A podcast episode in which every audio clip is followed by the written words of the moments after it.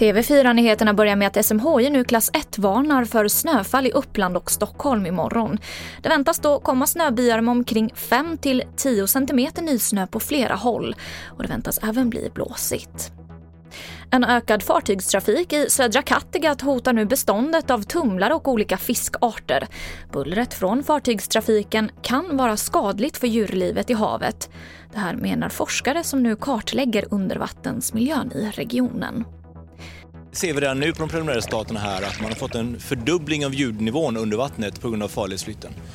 När ljudet ökar i våra hav så är det många djur, bland annat tumlaren och fisk och som torsken här i Kattegatt, som får svårare att uppfatta för dem viktiga ljud. Det sa Mattias Andersson som är marinbiolog.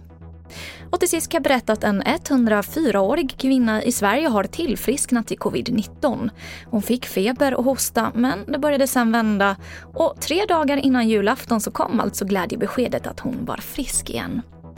Och det var det senaste från TV4 Nyheterna. Jag heter Emily Olsson.